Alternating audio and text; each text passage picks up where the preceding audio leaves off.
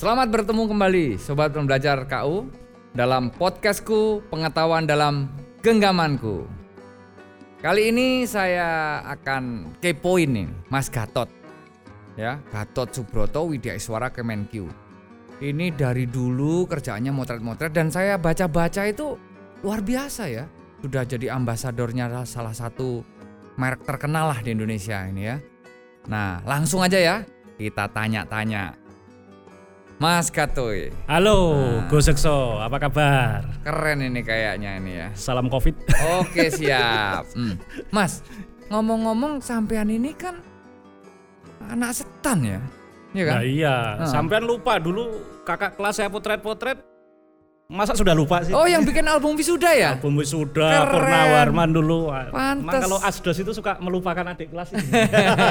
Pantas kok foto saya itu lebih aslinya itu lebih jelek Iya. daripada fotonya ya. Oh gitu, ya, bener. ya, Serius itu. Nah sekarang ngomong-ngomong, Iya. kok bisa dulu milih hobi motret itu kenapa itu mas? ini sebenarnya juga kecelakaan juga dulu Mas Sekso. Zaman SMA, SMP, SMA itu saya senengnya ngelukis waktu itu. Melukis. Lukis, ikut sanggar gitu. Nah begitu masuk kampus di stan itu cari-cari kegiatan mahasiswa kira-kira apa yang cocok yang paling ini kayaknya penerbitan. Oh gitu. Saya masuk di Purnawarman dulu jadi ilustrator sama Mas Agus Margono itu. Oh. Nah ada kamera nganggur. Iya iya. kamera iya. yang bagusnya dipakai reporternya Pak Misbakun itu. Betul. Anggota DPR sekarang. Siap. Nah yang satu yang lama saya pakai latihan. Nah, ngomong-ngomong, Ya. motret itu susah nggak sih? Nah ini eh, kalau zaman dulu Hmm. susah mas, zaman analog dulu susah karena kita benar-benar harus eh, apa peka, harus tahu karakter kamera yang kita pakai.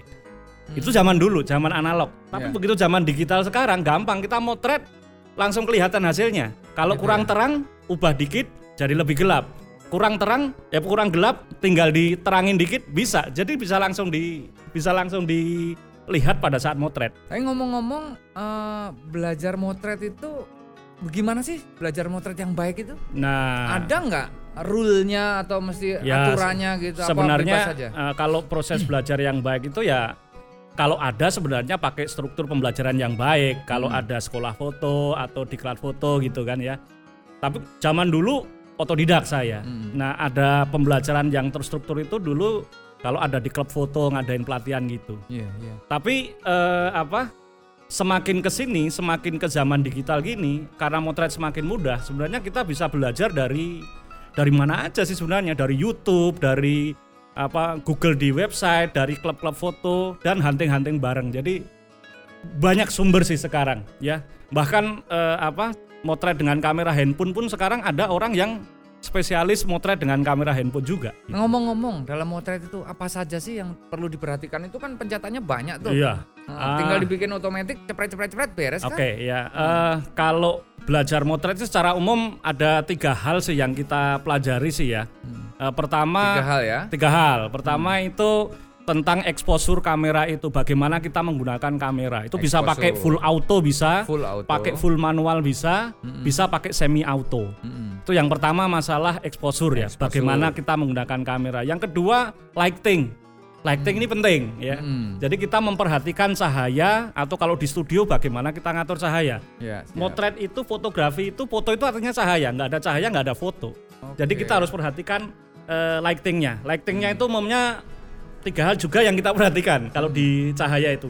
Pertama arah datangnya cahaya, arah datang, yang kedua warna cahaya, warna, ya. Yang ketiga itu intensitas cahaya, kuat intensitas. lemahnya cahaya. Oh, yang dihitung dengan Kelvin Kelvin itu ya. Nah, gitu. Kurang Oke. kurang apa? Kurang eh, hangat, kurang dingin gitu kan pakai pakai siap. apa? white balance istilahnya. White balance. Nah, baru yang ketiga itu masalah komposisi, sisi Komposisi. seninya foto bagaimana kita mengatur subjek dengan eh, environmentnya, tempat dia eh, dipotret gitu.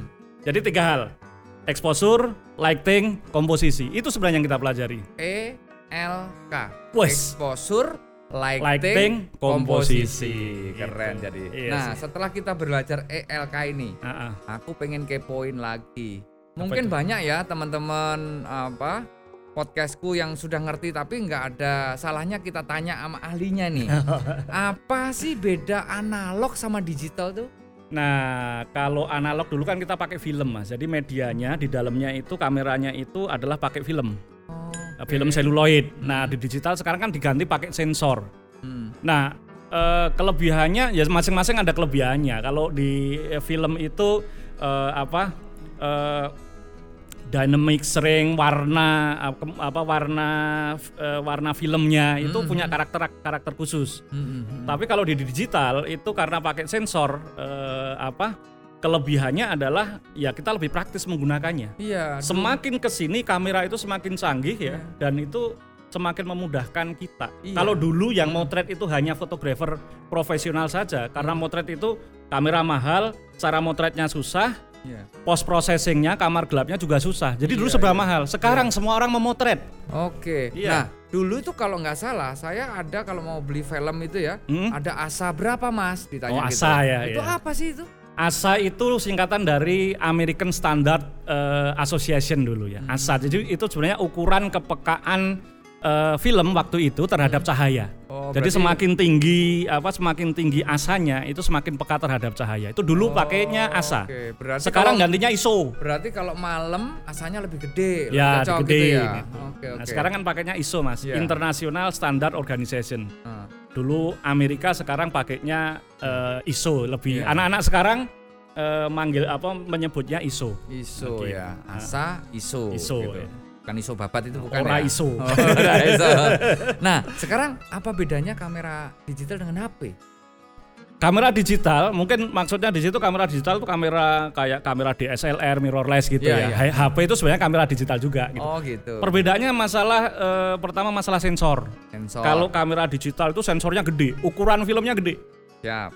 Nah, yang itu yang pertama. Yang kedua, selain selain ukuran sensor itu lensanya. Kalau di handphone itu lensanya itu fix, nggak bisa maju, nggak bisa mundur.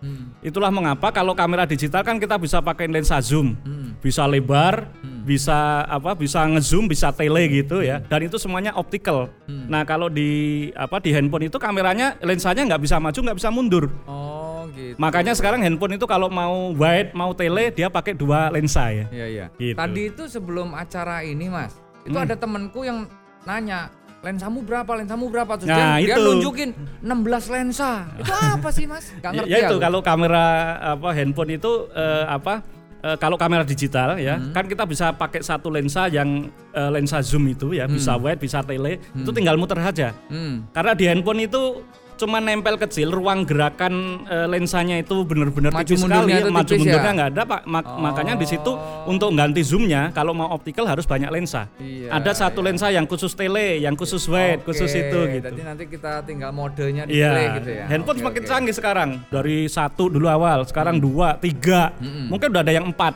Yang Iya. banyak tadi ada yang 16 tadi. Nah. Oke mas, keren banget ini. Jadi kita sudah tahu tentang ELK tadi, Iya, heeh. Analog sama digital, Iya. digital sama HP, masalah range dan segala macam. Terakhir nih mas, Ah. untuk sesi kali ini ya, foto itu perlu diolah nggak sih? Apa cepret jadi gitu aja? Ah, ini tergantung kebutuhan juga Gus Sekso Hmm. ya. Jadi eh, apa? Beberapa orang ke- profesional biasanya kalau kebutuhan komersial dia eh, foto yang dia potret itu kebanyakan memakai post processing untuk menyesuaikan dengan kebutuhan klien. Mm-mm. Ya misalkan iklan apa iklan kecantikan ya gitu kan nggak mungkin pakai wajah yang Mm. aslinya biasanya ada touching untuk apa untuk memperhalus wajahnya gitu. Tapi ada juga yang foto-foto langsung kayak foto-foto jurnalistik, bahkan foto-foto traveling sekarang kan kalau mungkin Gus Sekso sering jalan-jalan foto selfie atau kita jalan-jalan ke mana habis motret Mm-mm. posting di sosial media Mm-mm. itu kan sebenarnya nggak eh, nggak perlu diedit pun sebenarnya nggak masalah gitu. Gitu ya. Atau kalau mau diedit edit dikit-dikit tipis-tipis di handphone gitu. Jadi ngomong-ngomong kalau sobat pembelajar di podcastku ini pengen lihat contoh-contoh yang Mas Gato sudah bikin tuh di mana itu? Ah, saya ada website gatotsubroto.com tapi jarang aku update karena per- apa website personal itu kan sekarang apa ya viewernya dikit kalau nggak kita iklanin terus jadi Hmm. lebih enak kalau sekarang mungkin foto itu di Instagram Artinya dengan uh, media podcastku ini nanti bisa dong kalau Mas Gatot di mention gitu oh dijawab bisa ya. bisa bisa Heeh. nanti bisa di apa Ah. bisa di komen di kalau di YouTube-nya nanti di bawah bisa ngobrol-ngobrol masalah Eh, ya masalah pemotretan, bagaimana memotret, bag- ya bagaimana menjual foto gitu. Ada Ah, situ. Asik nih Mas. Atau di Jadi- Instagram saya juga bisa. Oke. Biar di follow Gato 18. ini nice try ya gitu ya. Keren ya. Jadi gitu sobat pembelajar. Jadi itu tadi sudah kita dengarkan apa yang kita obrolkan dengan Mas Gatoy. Jadi santai. Tetapi tidak detail. Nanti kalau mau detailnya bisa mention ke podcast ini. Jangan lupa ikutin Instagramnya Mas Gatot tadi apa? Gatot Gato 18. atau 18 atau gatotsuproto.com dan stay tune di podcastku pengetahuan dalam genggamanku.